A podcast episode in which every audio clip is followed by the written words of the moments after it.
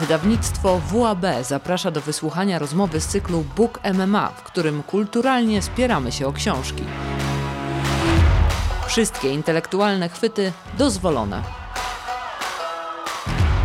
Ten podcast to zapis rozmów odbywających się na Facebooku wydawnictwa WAB, gdzie serdecznie Was zapraszamy.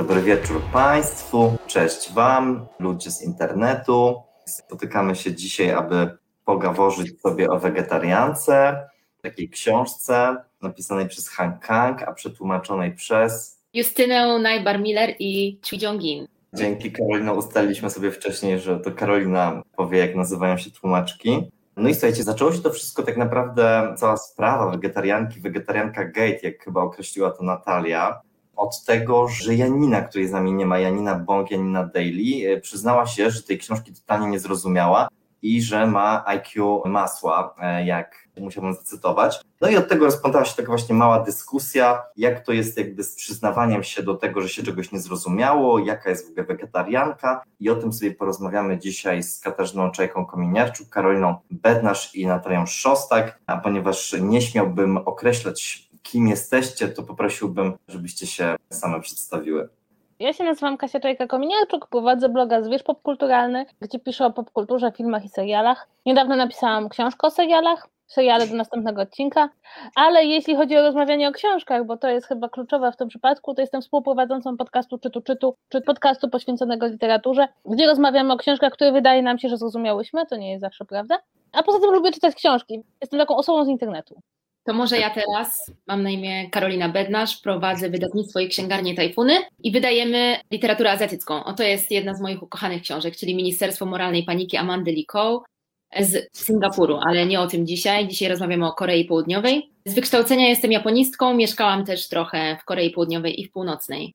Ja się nazywam Natalia Szostak, jestem dziennikarką kulturalną Gazety Wyborczej, piszę też do Wysokich Obcasów, książek magazynu do czytania i na Facebooku prowadzę profil pod jakże tajemniczą nazwą Natalia Szostak Czytelniczka. Czuła czytelniczka. Żartuję. Muszę dołożyć. No to fajnie, jesteście super i chciałbym wam zadać pytanie, pierwsze takie otwierające. Jak wam się tę książkę czytało?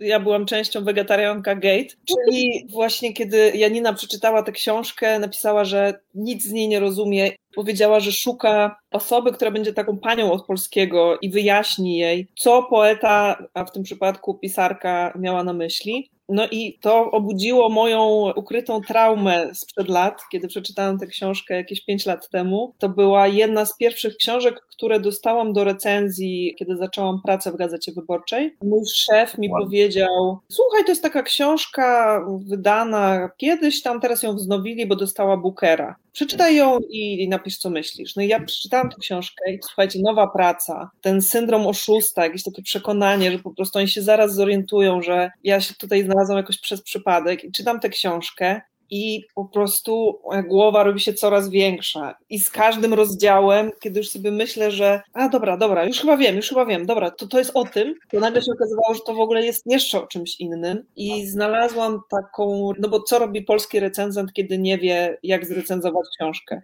Sięga do Guardiana, New York Timesa, New York Review of Books i tak dalej. No więc przeczytałam bodajże w New York Review of Books, że to jest lektura na pograniczu traumy, zacytowałam w swoim tekście. No i wysłałam ten tekst mojemu redaktorowi z taką właśnie adnotacją, że wiesz co, ja chyba nie jestem odpowiednią osobą do recenzowania tej książki, ale jakbyś chciał, no to tutaj masz ten tekst. I było mi strasznie głupio w ogóle się przyznać do tego, że czegoś nie zrozumiałam w tej książce, że nie do końca ona do mnie przemówiła. Dlatego bardzo się ucieszyłam na tę dyskusję i szczególnie na udział Karoliny, która właśnie jest specjalistką od tego regionu świata, więc może będziesz mogła trochę więcej nam powiedzieć, jak właśnie ta wegetarianka się ma w ogóle do kultury Korei, bo słyszałam, że i takie tropy można wyciągnąć z tej książki.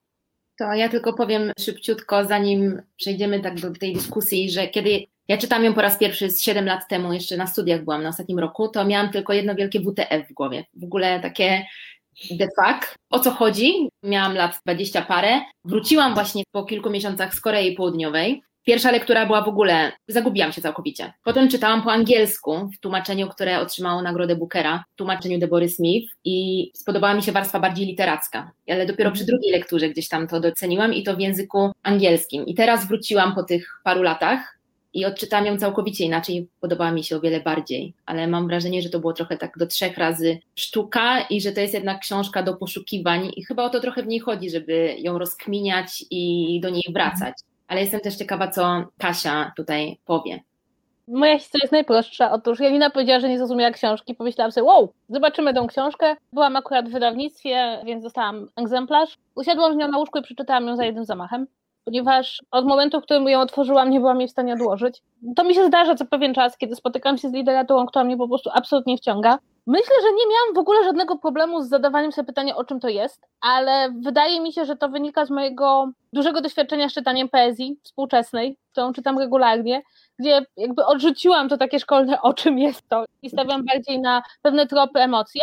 I postanowiłam tak, że nie wiem, czy to jest dobra decyzja, ale to jest decyzja, którą podjęłam na własną rękę, nie czytaj tego jako książkę pod tytułem to jest koreańska książka, w związku z tym obcość, którą czuję wobec pewnych wątków i pewnych przemyśleń wynika z różnic kulturowych, bo doszłam do wniosku, że to jest trochę za proste. Znaczy, że bardzo często mamy tak, że jeśli podchodzimy do książki chociażby koreańskiej czy japońskiej, to mamy takie, a, bo to jest inna kultura, więc to na pewno ten wegetarianizm to jest na pewno chodzi o to, że w Korei nie ma wegetarian i nie może być wegetarian. I ja to sobie tak przeczytam. Ja sobie pomyślałam, nie, nie, tak tego nie będę czytać, nie zgadzam się na to, zwłaszcza, że dosyć szybko okazuje się, że to nie chodzi tylko o taką prostą mhm. różnicę kulturową. I powiem szczerze, mi się ta książka niesamowicie podoba. Nie wiem do końca, czy moje intuicje o czym to jest, albo o czym to mogłoby być, albo jakie tropy ja tam znalazłam, jest właściwa, ale jak to się czytało? Ale chciałabym powiedzieć jedną rzecz, że jak skończyłam czytać tą książkę, to moja pierwsza akcja była taka, że zadzwoniłam do mojej mamy, która czyta jakieś 250 książek rocznie, jest moją wyroczną literacką i zapytam ją, mamo, czy przeczytałeś Wegetariankę, co o niej myślisz? Gdyby ona powiedziała, że jej się podoba, to byłabym bardziej pewna siebie.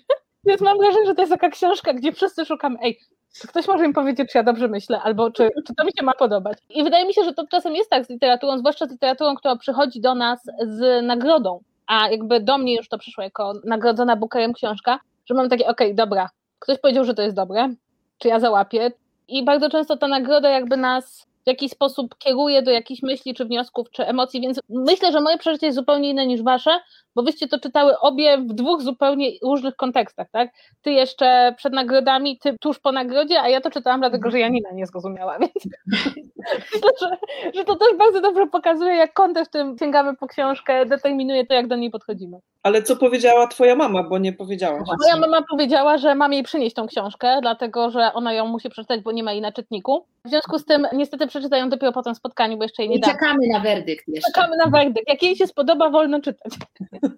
To ja jeszcze dopowiem a propos właśnie pytań. Pojawiło się pytanie, Natalia, do ciebie, czy ta recenzja w końcu twoja została wydrukowana? Nie, właśnie nie, ale o. znalazłam ją ostatnio u mnie na komputerze i trochę się boję ją opublikować, bo wtedy będzie można sprawdzić inne moje recenzje, które zawierają takie słowa klucze, wiecie, nieoczywista, opierająca się na interpretację i tak dalej, i tak dalej.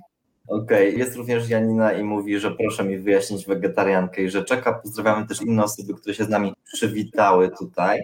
Ja tylko jeszcze od siebie chcę powiedzieć, że właśnie ja w ogóle też a propos takiej trochę meta przemyślenia odnośnie właśnie tego, co się wydarzyło, właśnie tego mówienia o niezrozumieniu, czy też pewnych takich recenzjach, które się zaczęły pojawiać na tak zwanym bookstagramie dotyczących e, tego, że ta książka jest na przykład po prostu dziwna, nie? To wydaje mi się, że mimo wszystko to właśnie, że takie opinie się pojawiły, jakoś mi się spodobało, bo na tym się właśnie zacząłem zastanawiać, nad taką współczesną kulturą oceniania wszelkich zjawisk kulturalnych, filmów i tak dalej, które kończą się na tym tylko, że ktoś mówi dobre, średnie, mhm. dobro średnie, albo właśnie już ostatnio, dla mnie to już moim zdaniem jest jakiś taki szczyt jakiejś takiej patologii właśnie komentariatu, typu widziałem film, no początek dobry, środek średni, końcówka też średnia, w sensie, że już tak jakby czasami wiadomo, że nikomu się nie płaci za to, żeby ktoś komentował i dokładnie jakby rozwijał tę złożoną recenzję, ale że jest taka duża tendencja właśnie do tego wydania tej oceny, przyznania tych gwiazdek, kiedy moglibyśmy po prostu porozmawiać jakoś ale, bardziej. Ale dla mnie na przykład to słowo dziwna to jest komplement.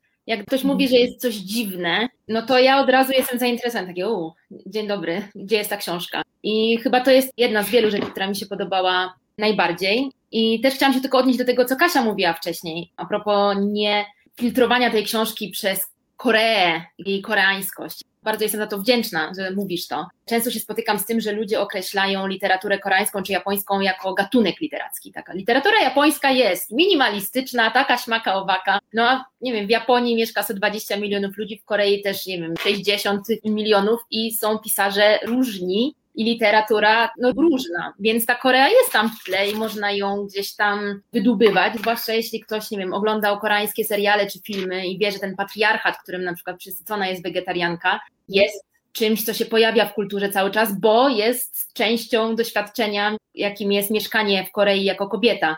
Tam Natalia mówiła wcześniej, że o, ja opowiem, o czym jest ta książka, czy fajnie, że jestem, to na pewno z chęcią się podzielę swoimi jakimiś tam przemyśleniami, ale też fajnie jest zapomnieć o tej koreańskości domniemanej i porozmawiać o tej książce po prostu.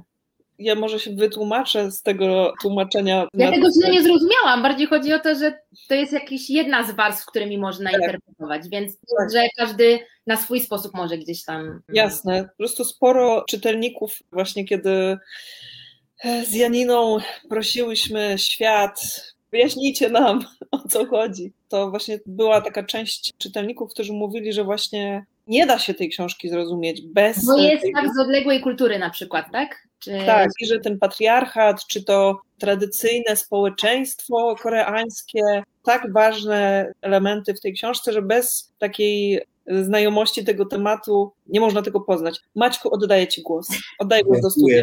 Bo chciałem tylko właśnie do tego, co obie powiedziałyście, jeszcze takie moje doświadczenie z klubów czytelniczych i z tego, kiedy na jakimś klubie czytelniczym pojawia się właśnie znawca lub znawczyni, bierze wtedy ten temat, tę książkę i tak właśnie zawłaszcza do tego swojego znawstwa i mówi właśnie, ale ty nie rozumiesz, bo to jest typowe dla kultury koreańskiej, to jest właśnie koreańskość w tej książce. Czyli teraz jakby Korea tutaj podaje jako przypadek. No to ja nie chcę być taką specjalistką, bardzo staram się nie być taką. Tak, wiem, że taką osobą nie jesteś, ale jeszcze po prostu tylko tak anegdotycznie podam, albo jeszcze takie osoby, które do tego dodają, wiecie, bo ja byłam na Erasmusie w Hiszpanii, więc jakby wiem, że to jest jakby typowe dla Hiszpanii, nie? I tak już potem po prostu już nie możesz nic powiedzieć, no bo sorry, ale ta osoba była w Hiszpanii, i Albo mieszkała. dwa tygodnie w Japonii na wycieczce i wie, że tak. kobietom tam jest super i tak dalej. No ale nie wiem, jak już mówimy o patriarchacie i ta książka jest mocno taka przemocowa, przynajmniej ja ją tak odbierałam na wielu płaszczyznach.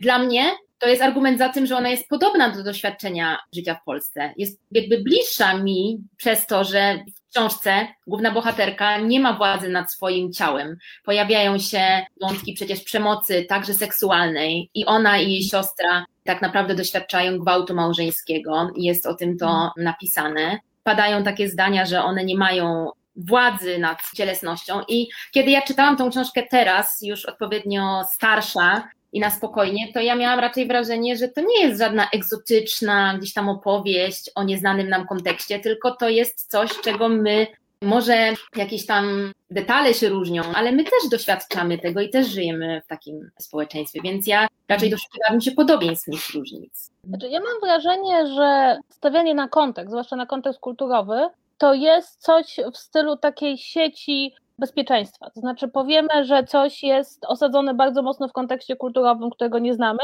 i możemy wszystko czytać przez ten kontekst kulturowy. Ewentualnie jeśli mamy taką powieść jak ta, która jest fragmentaryczna, która zasadniczo rzecz biorąc co chwilę nas wyrzuca z takich, okej, okay, już wiem o co chodzi i nagle się okazuje, że jednak idzie w inną stronę, no to wracamy do tego, to jest inny kraj, inna kultura, inny kontekst. Co więcej, problem polega na tym, że to jest jeden z tych systemów interpretacji literatury, którego nas się uczy w szkole, prawda? Najpierw mhm. musimy się dowiedzieć, ile lat poeta spędził na emigracji, a mhm. dopiero potem możemy tak. przeczytać jego wiersze, które oczywiście opowiadają wyłącznie o tym, że poeta był na emigracji. I trochę też mamy takie podejście, że okej, okay, jeśli ja nie jestem w stanie tej książki włożyć w jakąś taką jasną ramę, czy to gatunkową, czy to stylów literackich, jakich już znam, to znaczy, że to musi wynikać z kontekstu. Jeśli nie przeczytam biogramu autorki, jeśli nie pouczę się o Korei, no to nic z tego nie zrozumiem. I prawdą jest oczywiście to, co mówi Karolina, że to jest zakorzenione w tej kulturze, ale literatura, jej moc polega na tym, że doświadczenia zakorzenione w jednej kulturze przekładają się na doświadczenia innych kultur, bo na tym polega opowiadanie historii. I myślę, że ta najbardziej dramatyczna scena, w której bohaterka jest na spotkaniu rodzinnym i odmawia jedzenia mięsa i zostaje po mhm. kolei coraz bardziej brutalnie zmuszana do tego mhm. przez kolejnych członków rodziny, to jest absolutnie scena z polskiej wigilii, na której ktoś odmawia zjedzenia ryby i karpia. Jest to absolutnie scena z wielu przemocowych sytuacji w rodzinie, kiedy stara się przeforsować jakąś normę społeczną, komuś, kto się z tej normy społecznej wypisuje. I to już nie ma znaczenia, jaka to jest kultura, bo samo doświadczenie i sama ta nagła przemoc, bo wydaje mi się, że to jest jedna z tych rzeczy, która jest w tej książce ciekawa, że ta przemoc się pojawia nagle, że nawet ludzie, którzy biorą w niej udział, w tej jakby coraz bardziej koszmarnej scenie, nie są potem w stanie zrozumieć, co się właściwie stało, skąd ta Mhm. przemoc się wzięła. I mam takie poczucie, że czytałam o takich doświadczeniach w Polsce, że nagle jakaś sytuacja kogoś, kto przekroczył jakąś normę i zdenerwował ludzi wokół siebie, stała się nagle bardzo agresywna. I właśnie to jest moim zdaniem jedna z tych rzeczy, które oczywiście czynią literaturę dobrą i czynią literaturę taką, że w niej się szukamy, ale jednak mimo wszystko cały czas nas ciągnie, prawda? Zwłaszcza, że Mhm. tytuł brzmi wegetarianka. Zwróciłam uwagę, bo też czytałam recenzję z Guardiana czy z New York Timesa, że ta wegetarianka w tytule sprawia, że od razu się kierujemy na spór wokół jedzenia mięsa, tak? Jakaś Mhm. kulturowa różnica. Wegetarianizm w Korei, wegetarianizm w Stanach, wegetarianizm w Polsce. Tymczasem ten wegetarianizm jest tylko jedną drobną cząsteczką, rzekłabym. Nawet to nie był Mhm. chyba początkowo w ogóle tytuł tego pierwszego opowiadania, z którego wyszła ta książka. Tytuł był inny. Więc wydaje mi się, że to jest bardzo ciekawe, żeby zdać sobie sprawę, że też nas ciągnie do tych kontekstów kulturowych, bo jesteśmy trochę nauczeni, że kontekst kulturowy to jest king, prawda? Bez kontekstu kulturowego nie możemy nic czytać. Oczywiście warto go znać i zawsze jest ok, jeśli podejmiemy wysiłek, ale literatura nie sprowadza się wyłącznie do swojego kontekstu kulturowego. Mhm. Ja sobie myślę też o tym kontekście takim szkolnym właśnie odbioru literatury, właśnie kiedy czytałam tę książkę, że w Polsce raczej nie ma takiej tradycji właśnie dyskusji o książkach. Masz powiedziane, to jest dobre albo to jest słabe. O słabych raczej się w ogóle nie rozmawia tak naprawdę, tylko masz właśnie, nie wiem, Mickiewicza i masz za zadanie mówić, to jest Zinterpretować według klucza. Jest jedna słuszna interpretacja. Dokładnie. Ostatnio, w poprzednią sobotę w Gazecie Wyborczej był esej o czułym narratorze Olgi Tokarczuk. Autor dyskutował z tezami w tej książce i widziałam w komentarzach takie, aha, czyli co? Czyli noblistka nie ma racji. Już sobie pomyślała, że jest zbyt mądra. Ha, ha, ha, ha, ha. Że właśnie nie mamy takiego aparatu w ogóle do rozmowy o tym, że a może tu się myli, a może się nie myli, tylko na przykład ten profesor uważa inaczej, może obie te opcje mogą istnieć obok siebie, tylko musimy się od razu okopywać w jakichś przeciwnych, okopywać się w przeciwnych okopach. Obozach? Tak, Piątka. dziękuję. Ja tylko jeszcze chcę dodać a propos tego, co Kasia powiedziała i tej sceny w tej książce właśnie rodzinnej, że jak opowiadałem mojemu chłopakowi o tej scenie i ja tak opowiadam, opowiadam, no już tam w końcu ten jej ojciec wstaje i próbuje jej to mięso włożyć do ust i on się mnie pyta, ale to jest polska książka? Ja jestem weganką, więc nie wiem, czy tutaj ktoś z Was jakkolwiek ogranicza jedzenie mięsa, ale dla mnie w ogóle opis tej sceny był bardzo wymowny, bo na przykład moja rodzina nie ma z tym problemu, ale jak się idzie już do jakiejś dalszej rodziny albo jakichś znajomych, to jest takie, ale że nie zjesz tego? Ale torta nie zjesz? Jeszcze nie daj Boże, to będzie jakiś tort weselny czy urodzinowy. Tak samo alkoholu się nie wypije, nie? To też jest taka przemoc, wręcz wymuszanie nie napijesz się za zdrowie młodej pary. Mięso jest chyba takim strasznie mocnym symbolem i w Polsce i w Korei jest takim wyznacznikiem statusu. Kiedy się ogląda japońskie filmy czy seriale, to nie zawsze idą na grillowane mięso i piją to sodziu i to mięso to jest po prostu ten taki powód do spotkania, jedzenie tego mięsa. Jak z tego rezygnujesz, to wręcz rezygnujesz z udziału w społeczeństwie. Takie, no, po co taką osobę zapraszać? I najlepsze jest to, że mi nie przeszkadza, jak ludzie jedzą mięso. Mnie to nie dotyka, tylko im przeszkadza to, że ja nie jem mięsa. I tak samo jest w tej książce, że to im przeszkadza, że ona, tak obiektywnie rzecz biorąc, no jadła ryż i kimchi, no i spoko, jadła sobie ryż i tam kiszoną kapustę, fajnie, ale wszyscy po kolei byli wytrąceni całkowicie z równowagi na tyle, że jakby no co, skończyło się na bardzo przemocowej scenie. I tu chodziło o jedzenie mięsa. Wcześniej była scena, że stanika nie założyła na jakąś kolację, tak? Jak ona śmie nie założyć stanika i że to jest po prostu największy event tej kolacji, że jej sutki prześwitują przez koszulę. I tak sobie myślę, że każdy z nas doświadczył jakiejś takiej przemocowej sytuacji, bez względu na to, czy to jest ubranie się w nie taki sposób, życie nie w taki sposób i tak dalej. I ta książka jest pełna takich momentów. Znaczy, ja przyznam szczerze, że być może mój socjolog is showing, ponieważ skończyłam socjologię, ponieważ ja w tej książce cały czas widziałam ten taki destrukcyjny wpływ osoby, która nie dostosowuje się do norm społecznych. Ale nie na nią, tylko na osoby wokół niej. Co się dzieje, kiedy ktoś się wypisze z norm społecznych albo zacznie je podważać w jakikolwiek sposób? Jedzenie mięsa jest takim prostym podważeniem normy społecznej, prawda? Jemy mięso, bo mięso oznacza dobrobyt, mięso oznacza, że nas stać. I teraz tak, nie jesz mięsa na tej kolacji, jej to nie przeszkadza. Przeszkadza to ludziom wokół niej, jak zauważyła Karolina. Nie nosi stanika, bo jej ją uwiera, przeszkadza to nie jej, tylko osobom wokół niej. I potem jak patrzymy, jaki ma wpływ jej zachowanie głównej bohaterki na szwagra, a potem na siostrę, na to jak powoli każdy z nich zaczyna kwestionować podstawy, na której zbudowało swoje życie tak naprawdę, w mniejszym lub większym stopniu, to ja to obserwowałam takim socjologicznym okiem, jak się zaczynają rozpadać rzeczy, które są normalne, naturalne, oczywiste w życiu człowieka, kiedy nagle spotyka się z kimś, kto odmawia najpierw mięsa, a potem w ogóle jedzenia, bo w tą stronę idzie ta narracja.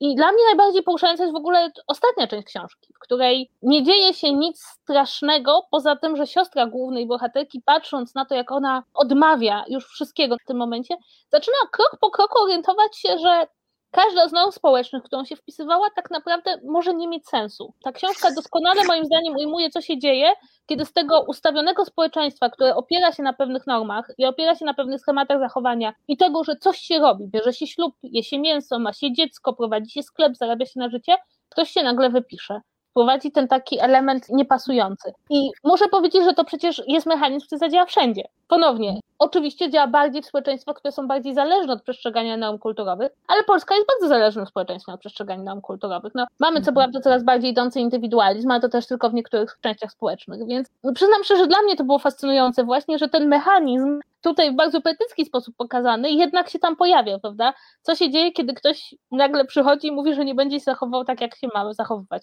Agresja, ocena, bo przecież na tej kolacji tam oni się odnoszą do tego, że ona nie je mięsa i odnoszą się w sposób taki, robisz to, żeby się czuć lepsze od nas, tak? Od razu jest to uzasadnienie, czemu ktoś się nie chce wpisać, po absolutne podważenie właściwie tych zasad, które kierują naszym życiem, bo rzeczywiście bardzo dużo rzeczy robimy, bo w sumie nigdy się nie zastanawialiśmy nad tym mechanizmem społecznym, który nas do tego doprowadził. Ja jeszcze odczytam komentarz Michała Nogasia, który pisze: Słuchajcie, w tej scenie nie chodzi o mięso, jest nieposłuszeństwa córki wobec ojca, który walczył w Wietnamie i nie znosi sprzeciwu. Myślnik, tak mówi autorka uśmieszek. Ja myślę, że to jest bardzo ważne, co napisał Michał Nogaś w tym komentarzu. Dla mnie to mięso jest tylko symbolem. Nieważne, czy to byłoby mięso, ślub, dzieci, cokolwiek, wszystkie rzeczy, które też Kasia wymieniła wcześniej, no ale największym buntem jest sprzeciw wobec ojca. I to jest też motyw, który pojawia się w wielu koreańskich filmach czy serialach. I tam też zdanie pada wegetariance, że wszyscy się spodziewali, że ona przeprosi tego ojca, że ona zrobiła coś złego, ona nie chciała przeprosić. Bo jakby dla niej to było po prostu normalne prostu nie chcę zjeść mięsa, nie wiem, kropka. Kiedy my patrzymy na to z zewnątrz, tam też się to wydaje logiczne, ale w takim układzie rodzinnym, społecznym, gdzie sprzeciwienie się rodzicowi to jedno, ale ojcu to jest w ogóle rzecz, której nie robisz. Ja podczas pandemii teraz oglądam sobie dużo koreańskich seriali i to jest motyw, który pojawia się non-stop. Ostatnio oglądałam serial One Spring Night, historia miłości i bohaterka wybiera partnera, który jest samotnym ojcem i idzie przeprosić swojego ojca za to że ona wybrała mhm. takiego partnera, który nie spełnia tych oczekiwań. Znajduje w sobie odwagę, żeby z nim być i na wielu poziomach buntuje się, ale jednak to ona przeprasza. I dla nas jest to może, może nie wiem, czy dla nas, dla całego społeczeństwa, ale może dla nas, tych osób tutaj zebranych, byłoby to nie do pomyślenia, że my przepraszamy za wybór partnera życiowego czy partnerki, ale tam to jest jakąś tam normą społeczną, że rodzice mają taką władzę nad tobą, że decydują o poznaniu partnera czy partnerki. I to też chyba, jeśli mówimy o tej koreańskiej kulturze, to ważne, żebyśmy też pamiętali, że to małżeństwo jest bardzo ważne. U nas też, ale o wiele mniej jest związane z miłością i jest to częściej bardziej taka transakcja biznesowa i coś, co się robi. I nawet na samym początku on jak pisze, że spotkał ją. To nie jest tak, że spotkał ją prawdopodobnie tak. na obiedzie, tylko prawdopodobnie został umówiony przez jakichś tam wspólnych znajomych i stwierdzili, no dobra, no róbmy to. I nawet od samego początku, Kasia mówiła wcześniej, że przemoc się pojawia nagle, ale dla mnie to było już przemocowe na początku, przyznam szczerze, że on mówi, że ona jest przeciętna, żona, nie zrobiła na mnie wrażenia, najpospolitsza, że miała zgodny charakter. On już na nią jakby patrzy jak na rzecz, która przyznaje, że ona wstaje o 6 rano, robi mu śniadanie. I tam jest taki moment, kiedy ona w pewnym momencie nie pomaga mu wyjść do pracy i się ubrać. I on mówi, że... Koszula nie jest uprasowana. Tak, był zszokowany, że to pierwszy raz i tam pada takie słowo po polsku, nie asystowała mu przy wyjściu z pracy. I że to jest bulwers, to, że ona była dziwna, nieposłuszna, to jedno, ale to, że ona nie wykonała tego, co oczekuje się od niej jako żony i kobiety, to był jakiś taki chyba też duży zgrzyt. Ja teraz. Dobra, ta pierwsza część, okej. Okay. Ja się ze wszystkim zgadzam, co tutaj mówicie. Spoko. Ale najbardziej traumatyczna dla mnie była część druga. Cała sytuacja ze szwagrem i ta jego fiksacja i to, do czego to doprowadza. I tutaj. What about that? Tak? Ja jeszcze tylko właśnie chciałbym tylko taką jedną rzecz trochę dodać, bo ja nie do końca się tylko z wami w jednej rzeczy zgadzam, a w końcu przecież to ma być MMA, więc tak jakby wejdźmy w tę poetykę konfliktu, że ja nie jestem pewien, czy ona nie ma problemu z tym, że inni ludzie to mięso nadal jedzą. To znaczy ona oczywiście nie mówi, hej, nie jedzcie mięsa, Natomiast... Ma na pewno jakiś problem, bo wywala mięso z tej lodówki. Jej problem jest osobisty, a nie społeczny. To znaczy ona nie ma, moim zdaniem, takich zapędów rewolucyjnych, tylko ją odrzuca od mięsa i ona już jest nie dla mięsa, a potem ona już jest nie dla jedzenia. Więc mam takie wrażenie, że. Ona siebie chroni. To jest różnica między tym, co ma wymiar społeczny, czyli na przykład to, jak inni reagują na jej zachowanie, a tym, co ma wymiar osobisty. Że ona nie chce jeść tego mięsa i on ten zapach odrzuca, ale ona nie zabrania jeść innym osobom przy tym chociażby stole mięsa, więc mam wrażenie, że to są dwie różne platformy jakby odczuwania tego samego sprzeciwu wobec czegoś w świecie, przynajmniej ja to tak odebrałam, że właściwie wszystkie prawie jej działania są nakierowane na nią samą. Nawet w tej drugiej części, nawet kiedy wchodzi w tą, jakby to powiedzieć, jakby zadaje się z tym szwagrem, o, to jakby ona nie myśli o nim w ogóle, ani o jego projekcie, ani o czymkolwiek, co jest z nim związane, ona myśli o sobie i to, co jej to daje, więc myślę, że to jest też bardzo ciekawe pod tym względem, że ona jest skoncentrowana na sobie, nie na świecie, dla którego coś robi co często się przypisuje kobiecym bohaterkom, że jeśli mają odkrywać siebie, czy w jakiś sposób się zmieniać, to dla świata, ona to robi wszystko wewnątrz siebie i dla siebie. Natomiast właśnie inspirowało mnie to do takich przemyśleń, właśnie to, że na przykład ona jednak chociażby na tej właśnie kolacji służbowej patrzy na to, jak ludzie jedzą to mięso z obrzydzeniem i tak dalej. I pomyślałem po prostu tylko o takiej strategii, którą się przyjmuje i którą bardzo często ludzie, którzy są inni, muszą przyjmować. Czyli muszą mówić, słuchajcie, my jesteśmy inni, ale jesteśmy tacy sami jak wy. W sensie, że chodzi o to, że zaraz po deklaracji inności, to wiadomo, dla mnie to od razu była taka myśl właśnie związana, czy to z odmiennością seksualną, w sensie, że właśnie mówisz, nie słuchaj, ale ja kocham tak samo jak wy, w sensie inaczej, ale tak samo jak wy, w sensie musi natychmiast nastąpić właśnie takie odbicie, aby uspokoić wszystkich, że tak naprawdę to jednak się nie różnimy, nie? Wydaje mi się, że gdyby ona po prostu jako ta wegetarianka właśnie mówiła, słuchajcie, ja nie jem mięsa, ale to tylko ze względów zdrowotnych i tak właściwie to w ogóle chciałabym je jeść, tylko po prostu mi nie można. To tak jakby wszyscy by, okej, okay, no biedulka, no ale rozumiemy. Wydaje mi się, że nawet po prostu to niepodjęcie próby tej neutralizacji, to jest właśnie takie coś. No i tak chciałem to wrzucić. Ale ja bym wróciła do tej drugiej części, którą tak. Natalia wywołała, jak już taki akt drugi tego MMA, więc ktoś coś, ja mam wrażenie, że to jest literacko najsłabsze, o, tak mogę powiedzieć. To znaczy, o ile ta pierwsza część w jakiś sposób jest poruszająca ze względu na bohaterkę, o ile ta ostatnia część moim zdaniem jest najlepsza, to jest moja osobista ocena, to ta druga mam wrażenie, jakby to doszło do takiego poziomu, że albo czytamy to dosłownie przez jakieś tego typu rzeczy, że ona jest odmienna i inna i wypisywanie się z tych norm kulturowych i to nastawienie na naturę podnieca tego szwagra i on także próbuje się wyrwać i próbuje być czymś innym i że pojawia się ta seksualność, która oczywiście się musi pojawiać, ilekroć kobieta robi cokolwiek, co nie jest wpisane w normę i nawet jej wychudzenie czy jej jakieś zaburzenie psychiczne może być wykorzystane seksualnie przez mężczyznę, tylko że wydaje mi się, że to jest gdzieś na wierzchu względem tego, co moim zdaniem potencjalnie autorka chciała powiedzieć. Ja miałam wrażenie tutaj, że coś albo do mnie nie dotarło, bo ja to przeczytałam tą część jakby gładziutko, szybciutko, albo mam wrażenie, że ona nie umiała napisać tego z perspektywy mężczyzny. To znaczy, że ten jej bohater, ten filmowiec, twórca, wideoartysta, poza taką jakąś seksualną fiksacją, poza tym, że jest oczywiście niezadowolony ze swojego życia rodzinnego, jak większość poznać interesujących mężczyzn w literaturze, to jakby nie miałam wrażenia, żebym była go w stanie lepiej poznać. I ostatecznie to wszystko się trochę topi w symbolice i malowaniu kwiatów na skórze i tym, czym te kwiaty są dla niego, a czym są dla niej. I pytaniami jakieś o wolność artystyczną i momenty, w których to się przekracza i w ogóle czy on to robi jeszcze artystycznie. Ale nie, miałam takie wrażenie, że tutaj czegoś mi zabrakło. Choć ponownie, mi się tą książkę czytało tak dobrze, że przeczytałam to półtorej godziny, całą tą część.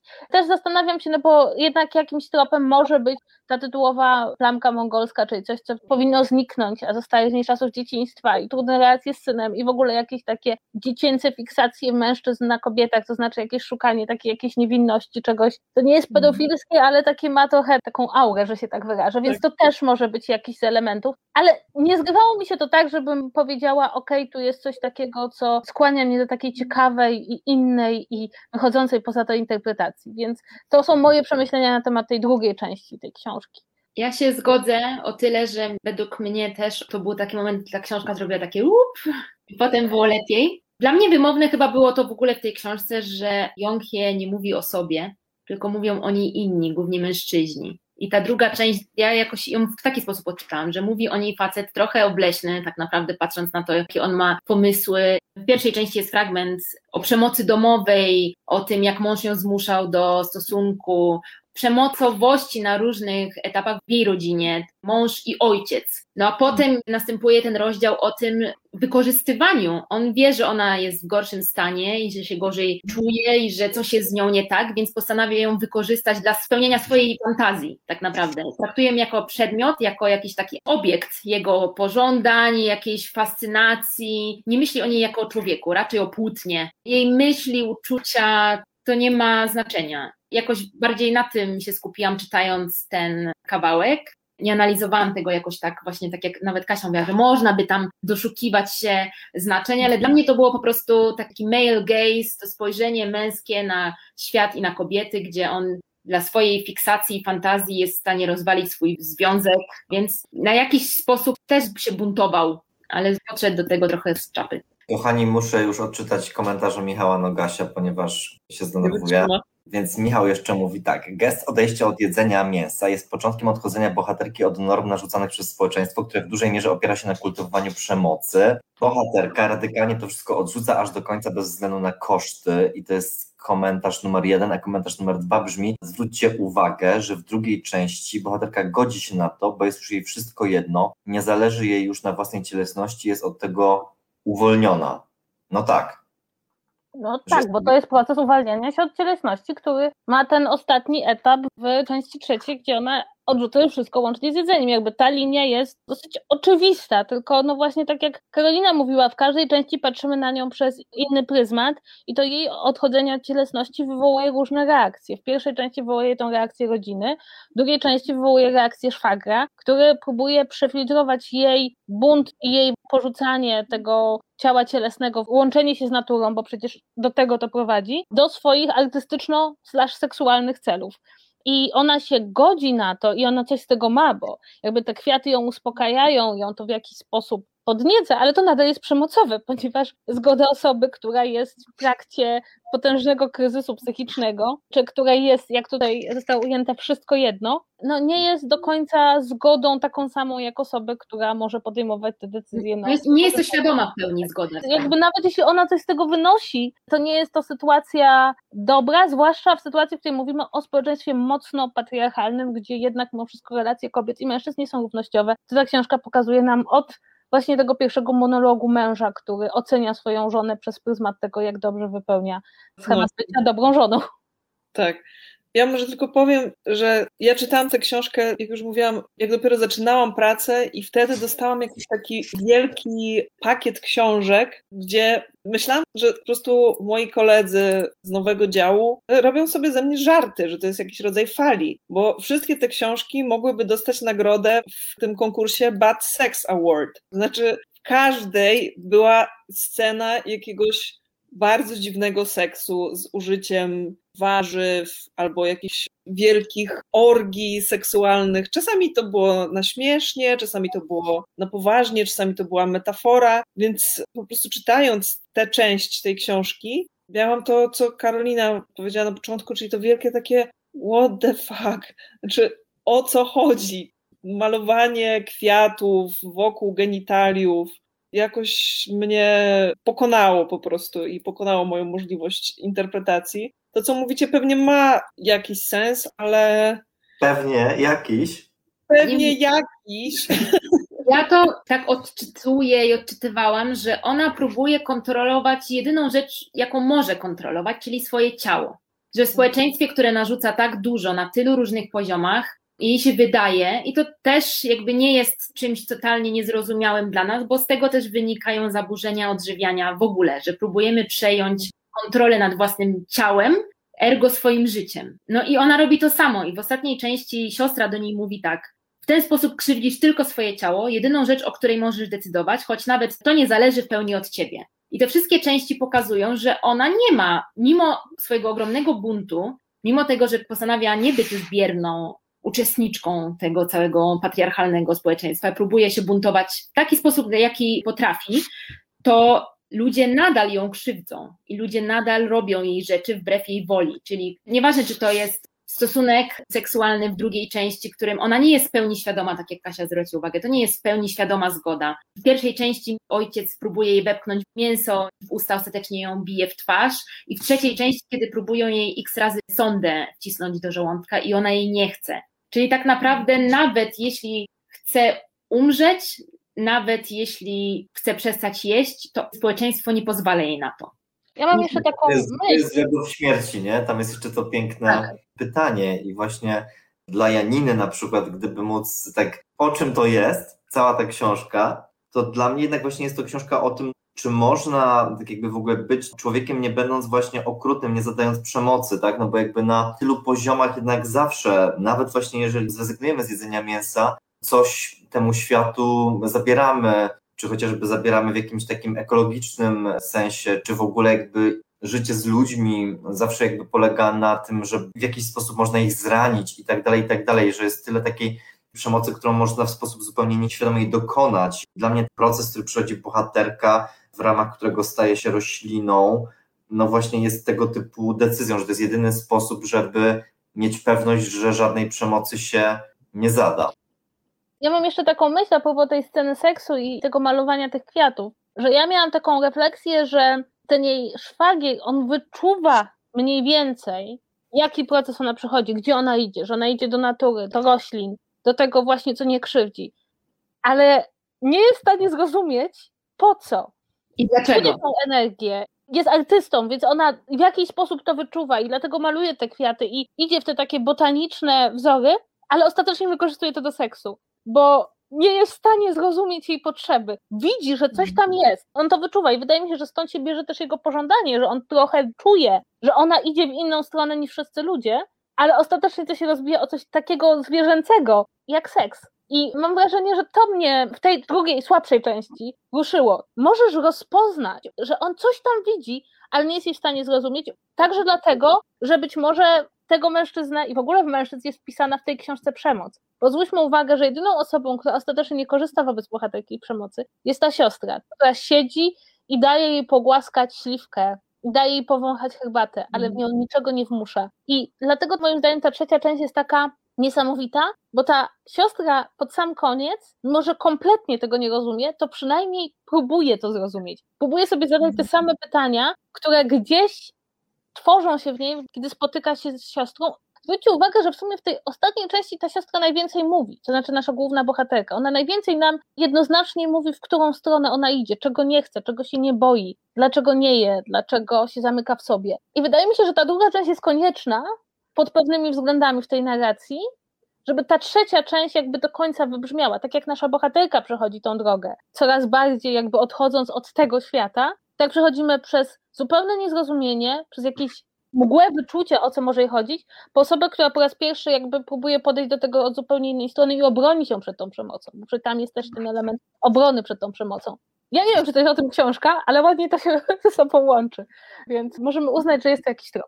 Dla mnie ta droga, którą odbywa siostra w trzeciej części jest bardzo wymowna, tak jak właśnie Kasia mówi, bo ona na samym początku tego rozdziału uświadamia sobie, że też brała udział w tym patriarchacie, że ona też doświadczała tej przemocy, że ona odwracała wzrok zamiast się buntować. I jest taki fragment tutaj, który sobie podkreśliłam, zacytuję. Czyżby jej siostra doświadczyła podobnego cierpienia i bezsenności, których teraz ona sama doświadcza w tajemnicy przed innymi? Być może przeszła przez to wszystko znacznie wcześniej, szybciej niż przeciętny człowiek, a potem zabrnęła o wiele dalej, aż w końcu zerwała cienką nić, która łączyła ją z rzeczywistością. I ona sobie uświadamia, jadąc do tej siostry, do tego szpitala psychiatrycznego, przypomina sobie też swojego męża, przemoc, której doświadczyła ze strony męża i zdaje sobie sprawę, że lepiej późno niż wcale, jak to mówimy, ale uświadamia sobie, że możliwe, że one przychodziły przez to samo. Tam też się zaczyna pojawiać wątek takiej traumy i przemocy ze strony rodziny. Też nie wiemy, na ile to gdzieś tam się echem odbija. I mam wrażenie, że to jest wymowne, że one, mimo tego, że są różnymi osobami, były w różnych związkach i w różnej sytuacji jakiejś rodzinnej, doświadczały na wielu poziomach podobnej przemocy. I tak jak Kasia zauważyła, i to jest gdzieś tam piękne na sam koniec, że ona nie rozumie Jonghie, ale próbuje oddać jej tą sprawczość pomaga i próbują wcisnąć tą sondę po raz kolejny, a ona jednak ją broni. Mimo, że wie, że możliwe, że straci przez to siostrę, to próbuje oddać jej sprawczość w społeczeństwie, które tą sprawczość zabiera. Ale chyba też dla mnie ostatni akapit jest bardzo ważny i piękny, bo on pokazuje, że ona się nie poddaje, siostra Inhie. To nie jest tak, że ona po prostu zrezygnowana stwierdza, no już nic się nie da zrobić, o shit, tylko tam jest takie zdanie, że Inhie wpatruje się w nie ponurym, uporczywym wzrokiem, jak gdyby oczekiwała odpowiedzi, albo raczej gorąco się czemuś sprzeciwiała. Czyli jednak książka, w której możliwe, że jedna z sióstr umrze, nie wiemy, ale druga coś sobie uświadamia i znajduje może dzięki tej siostrze i dzięki jej buntowi i dzięki jej samodestrukcji siłę do tego, żeby się zbuntować. I to tak jak właśnie Kasia zauważyła wcześniej, to się jakoś tam zazębia. Na samym końcu według mnie to gra po prostu świetnie i na poziomie literackim, ale też takim metaforycznym. Tak, ja tylko jeszcze czuję się w obowiązku, żeby przeczytać tutaj całkiem interesujący komentarz pana Tomasza Wnuka, który odnosi się do tego Bad Sex Chapter. Ja uważam, że malowanie ciała kwiatami to próba zamazania tego, czego w sobie nie akceptujemy. Dla bohaterki ciało było czymś brzydkim, czego chciała się pozbyć, poprzez niejedzenie chciała doprowadzić do swojego zniknięcia. Podobnie chciała zmienić postrzeganie siebie i innych poprzez kwiaty na ciele, aby nie widzieć człowieka i jego natury. Ja, jeśli chodzi o komentarze, to dostałam wiadomość właśnie od Janiny, która napisała mi, że widzi, że jestem martwa w środku i że ta dyskusja jest dla mnie trudna. Więc pozdrawiam Janinę. No i jeszcze a propos komentariatu, czyli Michał Nogaś, który tutaj nam doradzał za kadru, rozmawiał z Hankang i bodajże w tę sobotę będzie rozmowa w Wysokich Obcasach, więc można się tak. dowiedzieć, co pisarka miała na myśli. Tak, przy czym zaznaczmy, że dobre literaturoznawcze podejście uznaje interpretację samego autora tylko za jedną z licznych, a nie za wykładnię.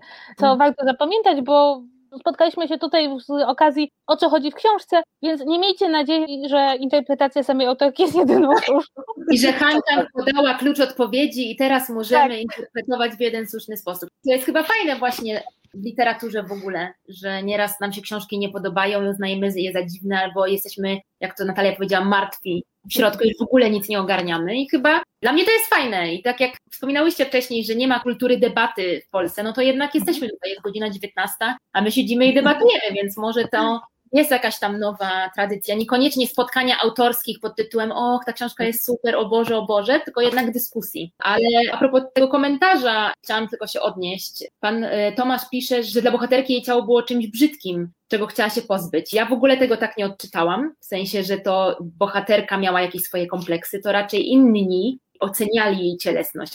A to scanika nie włożyła, to była za chuda, a to coś tam, ale mhm. chyba to nie chodziło stricte o jej wygląd fałdki czy cokolwiek, taki sposób, w który my postrzegamy cielesność, czyli kultura diet, która nam rozwala w ogóle postrzeganie wszystkiego, tylko jej chyba chodziło o pozbycie się tych więzów społecznych, ograniczeń wynikających z bycia człowiekiem w takim, a nie innym społeczeństwie.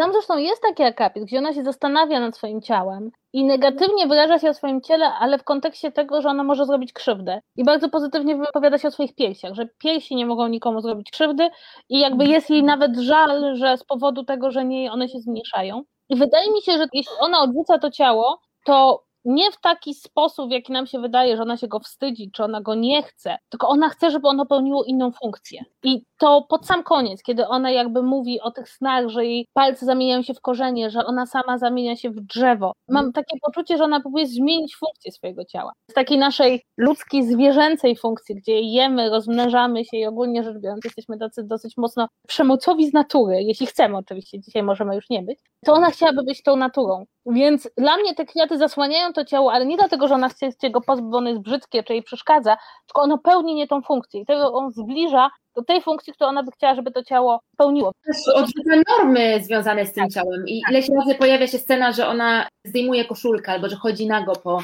ubraniu. I to jest na wielu poziomach naturalne, no bo mamy ciało i nie rodzimy się, nie wiem, w koszuli i jeansach, ale dla społeczeństwa, które wyznaczyło normę X, no to nie może ona się, nie wiem, opalać topless przed szpitalem, bo wyszło słońce i było przyjemnie. Ta jej przyjemność i to, że przecież ona nikogo tym nie krzywdzi tak naprawdę, nie ma znaczenia, bo to, co robi, to łamie jakąś społeczną umowę i właśnie w takim kontekście ta cielesność dla mnie wybrzmiewała, a niekoniecznie to, ile ona ważyła, jak wyglądała, jakie były jej proporcje i tak dalej. Znaczy, ja miałam taką myśl, jak przeczytałam, że nikt nie zakłada spodni na drzewa, że jest element natury, który jest zawsze nagi i nigdy o tym nie myślimy. Ona No. się rozbiera, bo ona właśnie tak jak mówisz, już nie jest w społeczeństwie, już nie jest w tej funkcji, to jej ciało.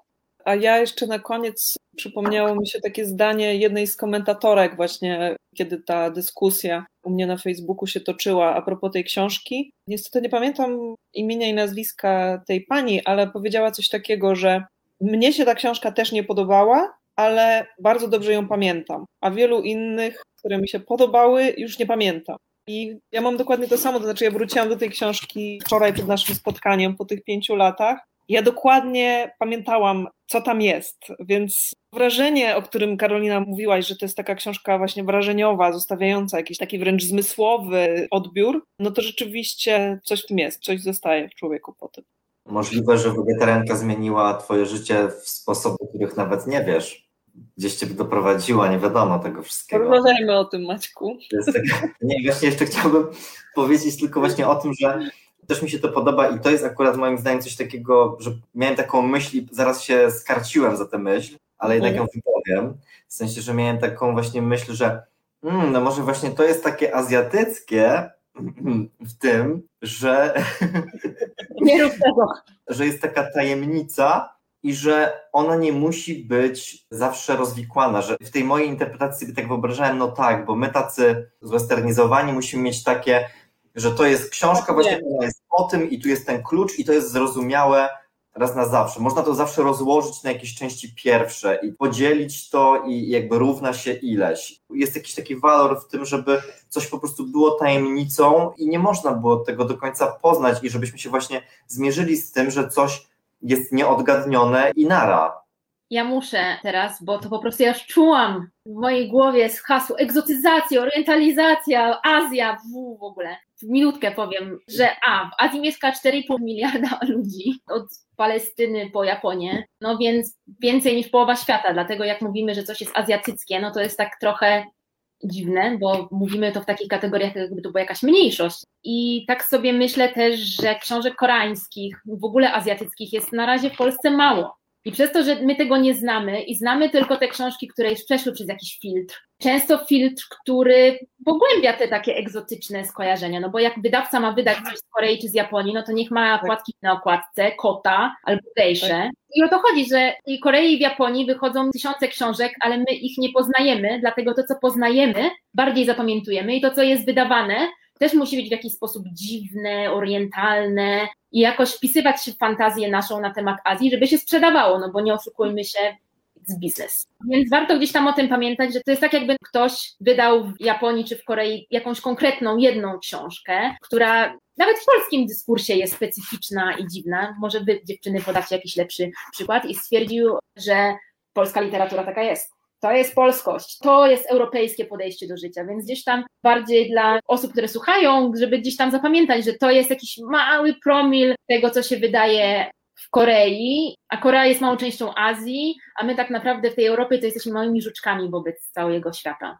Znaczy ja mam w ogóle wrażenie, że my jako ludzie, a zwłaszcza wychowani w kulturze europejskiej, a zwłaszcza wychowani w bardzo typowym rodzaju edukacji, źle przyjmujemy, jeśli książka ma otwarte zakończenie, jeśli nie można jasno powiedzieć, o czym jest, jeśli trzeba sobie o niej podyskutować. Ja bym chciała podać przykład normalnych ludzi. Najbardziej europejska książka, jaką można sobie wyobrazić, a ponieważ puenta nie jest dosyć jasna, to ileś dyskusji, to jest to książka dobra, niedobra i dlaczego myśmy w ogóle tej historii wysłuchali, bo olbrzymia i nadal się toczy, wystarczy powiedzieć normalni ludzie na skrzyżowaniu ulicy i spędzi się trzy osoby, żeby ci powiedzieć, że to nie miało sensu, to się skończyło źle, albo że zakończenie było bez sensu. Więc wydaje mi się, że to jest w ogóle nasz pewien problem, który jakby robimy takie małe kółeczko. Nie uczymy się rozmawiać o literaturze. W ogóle sam fakt, że mówimy o książkach w kontekście podoba mi się, nie podoba, to jest tylko przecież jeden mały element rozmawiania o tym, co zostało napisane. Od ponad godziny dzielimy się różnymi interpretacjami, kontekstami, pomysłami i wydaje mi się, że to jest naprawdę główny podział książek, te, o których można rozmawiać i bardzo długo i znajdować różne tropy i zgadzać się czy nie zgadzać i takie, o których się nie da rozmawiać, ponieważ przychodzisz i mówisz, no to jest książka, w której nic nie ma, nie ma tych wątków, za które można ciągnąć. Więc też wydaje mi się, że to jest właśnie problem. I to nie chodzi tylko o książki, tylko w ogóle o całą kulturę, że stawia się nas takiej, powiedz mi, podobało ci się, czy ci się nie podobało? Ile gwiazdek dajesz? Tak, ile gwiazdek. Jeśli nie umiesz się znaleźć po żadnej z tych stron, to masz takie, o mój Boże, przepraszam, albo nie zrozumiałem, albo jeszcze nie przeczytałem wszystkich recenzji. Zresztą trochę z tego żyjemy, że ludzie nie wiedzą, co myśleć, nie? Ale wydaje mi się, że to jest pewien problem, tak? Dlatego, że nie wydaje mi się, żeby wegetarianka, tak już w ogóle na marginesie była książką, która komukolwiek musi się podobać czy nie podobać.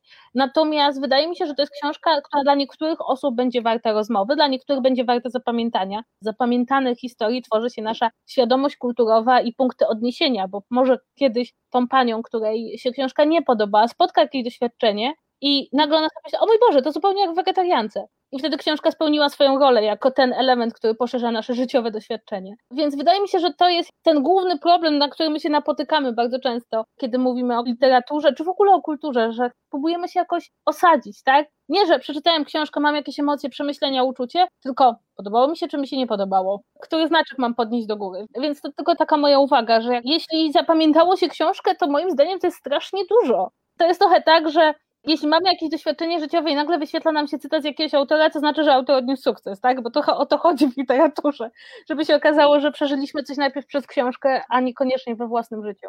To piękne zakończenie. Jako morał tej historii powiedzmy, czytajcie książki wydawnictwa Tajfuny, czytajcie bloga i książki Kasi Czajki-Kominiarczuk, czytajcie Gazetę Wyborczą i artykuły Natalii Szostak jak również Michała Nogasia, a szczególnie wywiad Michała Nogasia już tę sobotę w Wysokich Obcasach. Czytajcie mój wywiad z Kasią Czajką Kominiarczuk, to też są ważne sprawy. To jest w ogóle mnóstwo takiego po prostu crossu, to jest po prostu Avengers literatury. Bardzo dziękujemy, że z nami byliście i miłego wieczoru. Dziękuję za zaproszenie Maćku. Dzięki wielkie, super się rozmawiało. Dzięki. Róbmy to częściej. Pa!